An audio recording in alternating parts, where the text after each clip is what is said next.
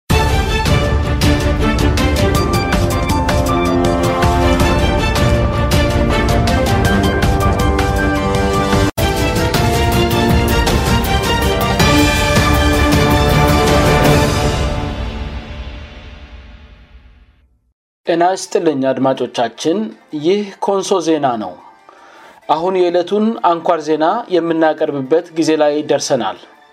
ዜናውን የማቀርብላችሁ የአቬሎ ናታዬ ነኝ አብራችሁን ሁኑ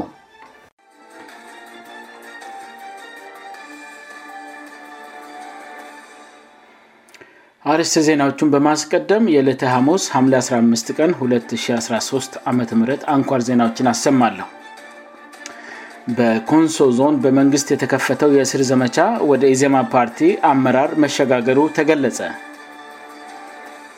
ኢዜማ ፓርቲ የኮንሶ ምርጫ ክልልን ጨምሮ ተለይተው በታወቁ 28 የምርጫ ክልሎች ምርጫ እንዲደገም ለፌደራል ከፍት ጠቅላይ ፍርድ ቤት አመለከተ ነገ በጃፓን ቶክዮ ከተማ በሚከፈተው ቶኪዮ ኦሎምፒክ 2020 ኢትዮጵያ በአራት የስፖርት ዘርፎች እንደሚትሳተፍ ተገለጸ ቻይና የዓለም ጤና ድርጅት የኮሮና መነሻን ለማጥናት ያቀረበውን ጥያቄ ውድቅ አደረገች አሁን ዜናውን በዝርዝር አሰማለሁ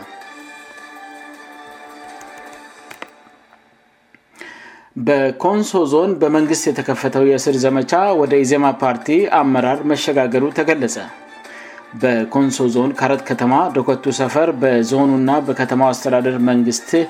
በተፎካካሪ ፓርቲ ዜማ አባላትና ደጋፊዎች ላይ በተከፈተ የእስር ዘመቻ እስከ ትላንት ብቻ ከዶከቱ ሰፈር 100 ሰዎች መታሰራቸውን መዘገባችን ይታወሳል ዛሬ ደግሞ የእስር ዘመቻው ከፓርቲው ደጋፊዎችና አባላት ወደ ፓርቲ አመራር መሻገሩን ከኮንሶ ዞን ዜማ ቅርንጫፍ ጽፈት ቤት የደረሱ መረጃዎች አመለከቱ የፓርቲው የዞኑ ቅርንጫፍ ጽህፈት ቤት ሊቀመንበርን ጨምሮ ሌሎች የማይከላዊ ኮሚ አባላትና የስራ አስፈፃሚዎች መታሰራቸው ተረጋግጧል የኢዜማ ፓርቲ የኮንሶ ዞን የምርጫ ወረዳ ጽህፈት ቤት ልቀመንበር አቶ አቤል ለሚታ ዛሬ ከጠዋቱ አራት ሰዓት አካባቢ ከሚሰራበት የትምህርት መምሪያ መስሪያ ቤቱ በመንግስት የስራ ሀላፊነቱ ላይ ባለበት በሁለት የፖሊስ መኮንዎች ተይዘ ወደ ፖሊስ ጣቢያ መወሰዱ ታውቋል ፖሊሶቹ መጥሪያ እንደሰጡት ከመገለጹ በስተቀር ስለተያዘበት ጉዳይ ጽፍት ቤቱ ምንም የሚያውቀው ነገር አለመኖሩን ገልጿል አቶ አበል ለምታ በኮንሶ ዞን ትምህርት መምሪያ የስርአት ትምህርት ባለሙያ መሆናቸው ይታወቃል በተመሳሳይ የዞኑ የዜማ ፓርቲ ማይከላዊ ኮሚቴ አባል የሆኑት አቶ ዩሮ ሆሻርጣ በዛሬው ዕለት ከሚሰሩበት የዞኑ ውሃማድን ና ኤነርጂ መምሪያ በጸጥታ ሀይሎች ተይዘው መታሰራቸው ታውቋል አቶ ጩሮ በዞኑ ውሃ ማይድንና ኤነርጂ መምሪያ የውሃ ሀብት ጥናት አስተዳዳሪ አስተዳደር ዳይሬክተሮች ቡድንን ይመራሉ በዛሬ ሁለት በውል ባልታወቀ ምክንያት በመንግሥት ኃይሎች በቁጥጥር ስር ውለው ወደ ፖሊስ የተወሰደው ሌላኛው በስድስተኛው አገር አቀፍ ምርጫ ወቅት ኢዜማ ፓርቲን በመወከል በምርጫው ለክልል ምክር ቤት በእጩነት የተወዳደሩት አቶ አሸናፊ በረሻ ናቸው አቶ አሸናፊ በርሻ በካረት ከተማ አስተዳደር የህዝብ አገልግሎት ባለሙያና የመልካም አስተዳደር ጉዳዮች ቡድን መሪ ሲሆኑ በቅድመ ምርጫ ወቅት በዞኑ መንግስት ትእዛዝ በደቡብ ልዩ ኃይል ተይዘው ወደ ልዩ ሀይል ካምፕ ከተወሰዱእና ክፉኛ ከተደበደቡ በኋላ መለቀቃቸውን በፎቶግራፍ ማስረጃ አስደግፈን በወቅቱ መዘገባችን ይታወሳል እስከ ትላንት ከታሰሩ ከ1ድ 00 የፓርቲው ደጋፊዎችና አባላት መካከል የፓርቲው የወጣቶች ተወካይና ሥራ አስፈጻሚ የሆኑት አቶ አብርሃም አየለም መታሰራቸው የተገለጸ ሲሆን ትላንትና በፖሊስ ጣቢያዎች ከታጎሩት ዜጎች መካከል አራት ሕፃናትን የሚያጠቡ እናቶችም እንደሚገኙበት መዘገባችን ይታወሳል ቀሪዎቹ የኢዜማ ፓርቲ አመራሮችም የታሰሩት የስራ ባልደረቦቻቸው የታሰሩበት ምክንያት በውድ ስለማይታወቅ እነሱም በከፍተኛ ስጋት ውስጥ መሆናቸውን ከጽህፈት ቤቱ ለኮንሶ ዜና በደረሰው መረጃ ተገልጿዋል ይህ ኮንሶ ዜና ነው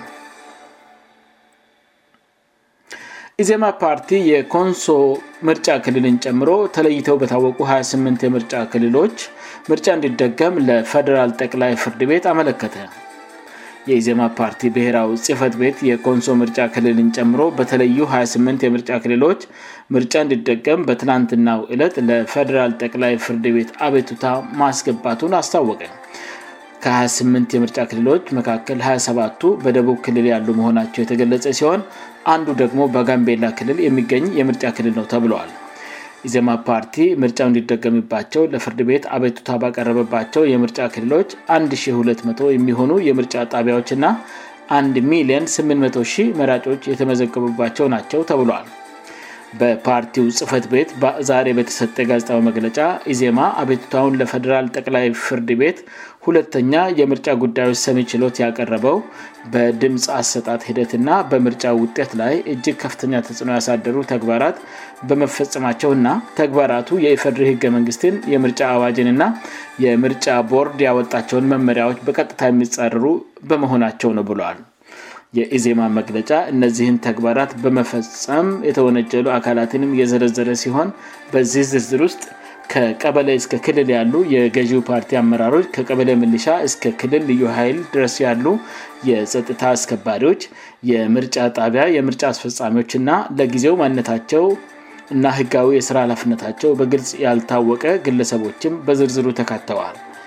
ኢዜማ ፓርቲ በጉዳዩ ላይ 192 የሰው ምስክር ማስረጃ 229 ገጽ አባሪ ሰነዶች እና መጠናቸው 50 ሜጋባይት የሆነ የተንቀሳቃሽ ምስል የድምፅና የምስል ማስረጃዎችንም ለፍርድ ቤቱ በትላንትና ዕለት ማቅረቡን የኮንሶ ዜና የመረጃ ምንጮች ተናግረዋል ኢዜማ ዛሬ በብሔራዊ ጽህፈት ቤቱ በሰጠው መግለጫ እንደ ዘይሴ እና ኮንሶ ባሉ አካባቢዎች ኢዜማ ፓርቲ ያሸነፈባቸው የምርጫ ጣቢያዎች መኖራቸውን ተከትሎ በገዢው ፓርቲ ብልጽግና የጅምላ እስር ዘመቻ መከፈቱን በኮንሶ ዞን እስከ ትላንትና ውለት ብቻ 1ንድ00 ሰዎች ከአንድ ሰፈር መታሰራቸውን ጠቅሷል የኮንሶ እና የዘይሴኒም ጉዳይ ፓርቲው በቅርበት እየተከታተለ እንደሚገኝ እና ሁኔታውን ለፍርድ ቤት ከማቅረብ ጎን የለጎን ለሰብዊ መብት ድርጅቶችም ሪፖርት እያደረገ መሆኑንም አስታውቋል አጠቃላይ ምርጫ እንዲደቀምባቸው ኢዜማ ፓርቲ አበትቷ ካስገባባቸው 28 የምርጫ ክልሎች ጋር በተያያዘ ችሎቱ የምርጫ ጉዳዮችን ብቻ ለመመልከት የተቋቋሚ ችሎት ከመሆኑ ጋር በተያያዘ ጉዳዩን በጥልቀት እንደሚመረምር መናገሩን ኢዜማ ዛሬ በሰጠ መግለጫ አስታውቋል ፍርድ ቤቱ የመጀመሪያውን ቀጠሮ ለመጪው ማክሰኘው ሀምሌ 2213 ዓ ም መያዙ ታውቋል ይህ ኮንሶ ዜና ነው ነገ በጃፓን ቶኪዮ ከተማ በሚከፈተው ቶኪዮ ኦሎምፒክ 2ያ20 ኢትዮጵያ በአራት የስፖርት ዘርፎች እንደምትሳተፍ ተገለጸ ኢትዮጵያ በጃፓን አስተናጋጅነት በሚካሄደው የቶኪዮ ኦሎምፒክ 220 ከ60 በላይ በሆኑ አትሌቶች እንደምትወከል የኢትዮጵያ ኦሎምፒክ ኮሚቴ አስታውቋል በነገ ዕለት በሚጀመረው 32ለተኛው ኦሎምፒክ ኢትዮጵያ በአራት አይነት ስፖርታዊ ውድዶች ትሳተፋለች እነዚህም በአትሌቲክስ በብስክሌት በውሃዋና እና በተኳንዶ ውድድሮች እንደምትካፈል ኮሚቴው አስታውቋል ኢትዮጵያን ወክለው ከሚወለደዱት አትሌቶች መካከል አትሌት ለተሰንበት ግዳይ አትሌት ሹራጣታ አትሌት ሰለሞን ባረጋእና አትሌት የሚፍ ቀጀልጃ በቀዳምነት የሚጠቀሱ ታዋቂ አትሌቶች ናቸው ሜዳ ላይ ያመጣሉ ተብሎ ግምት ተሰጥቷቸዋል ታዋቂ አትሌቶቹ ለተሰንበት ጊዳይ በ1000 ሜትር ሰለሞን ባረጋ በ10 ሜትር ና በ50 ሜትር ተጠባባቂ የሚፍቀ ጀልጃ በ100 ሜትር ና ሹራ ቅጣታ ደግሞ በማራቶን ሀገራቸው ኢትዮጵያን ወክለው በቶኪዮ ኦሎምፒክ እንደሚወዳደሩ የኦሎምፒክ ኮሚቴው አስታውቋል ባለፈው የፈረንጆቹ አመት 2020 ልካሄደ የነበረው የቶኪዮ ኦሎምፒክ 2020 በአለም አቀፍ ደረጃ በተከሰተው የኮሮና ወረርሽኝ ምክንያት መራዘሙ ይታወሳል በወረርሽኙ ምክንያት የተራዘመው ቶኪዮ ኦሎምፒክ ሀያ20 በነገው ዕለት ይጀመራል የዓለም ጤና ድርጅት በኦሎምፒክ ውድድር ምክንያት ዳግም የኮሮና ወረርሽኝ ልከሰት ይችላል ስል ስጋቱን ገልጿል የድርጅቱ ዋና ዳይሬክተር ዶክተር ቴድሮስ አድሃኖም የኮሮና ወረርሽኝ አለም የከሸፈበት ፈተና ነው ስሉ የተናገሩ ሲሆን በውድድሩ ምክንያት ከ100 በላይ ሰዎች በኮሮና ሊሞጡ ይችላሉ ብለዋል ዘገባው የአልአይን ነው ቻይና የአለም ጤና ድርጅት የኮሮና መነሻን ለማጥናት ያቀረበውን ጥያቄ ውድቅ አደረገች የዓለም ጤና ድርጅት የኮሮና ቫይረስን መነሻ ምክንያት በቻይና ውስጥ ለማጥናት ያቀረበውን ጥያቄ ቤጂንግ ውድቅ ማድረጓን አስታወቀች ድርጅቱ የኮሮና ቫይረስ መነሻ ምክንያትን ለመመርመር ለሁለተኛ ዙር ስራ ቻይናን ቢጠይቅም ሀገሪቱ ግን ፈቃደኛ አለመሆኗን የቻይና ምክትል የጤና ሚኒስትር አስታውቀዋል የዓለም ጤና ድርጅት በቻይና ቫይረሱ መጀመሪያ በተገኝበት አካባቢ ያሉ ቤተሙከራዎችን ኦዲት ለማድረግ ቢፈልግም ምክትል የጤና ሚኒስትሩ ዘንግዣን ግን ይህ ሳይንስን አለማክበር ና መናቅ ነው ሲሉ ለጋዜጠኞች ተናግረዋል የድርጅቱ ባለሙያዎች ቫይረሱ ከቤተ ሙከራ አምልጦ ነው የሚለው ወደ እውነት የመቅረብ እድር እንደሌለው ተናግረዋል ይሁን እንጂ አሁንም የኮሮና ቫይረስ ከዉሃን ከተማ ቤተ ሙከራ አምልጦ መሰራጨቱን የሚገልጸዋሉ የአለም ጤና ድርጅት ባለሙያዎች ውሃን ከተማ ለመድ እቅድ ተይዞላቸው እንደነበር የሚታወስ ቢሆንም የድርጅቱ ዋና ዳይረክተር ቴድሮስ አድሃ ኖ አሁንም ቀጣይ ምርመራ በቻይና እንድደረግ ማዘዛቸው ተገልጿዋል ዋና ዳይረክተሩ ቻይና ለምርመራው ተባባሪ ና ግልጽ እንድትሆን ጠይቀዋል የቻይናው ምክትል የጤና ሚኒስተር ግን የአለም ጤና ድርጅት ዋና ዳይሬክተሪን ሀሳብ ተቀባይነት እንደሌለው አንስተዋል ይህ ኮንሶ ዜና ነው አድማጮቻችን ዜናውን ከማብቃቴ በፊት አርስቴ ዜናዎቹን በድጋሚ አሰማለሁ በኮንሶ ዞን በመንግስት የተከፈተው የእስር ዘመቻ ወደ ኢዜማ ፓርቲ አመራሮች መሻገሩ ተገለጸ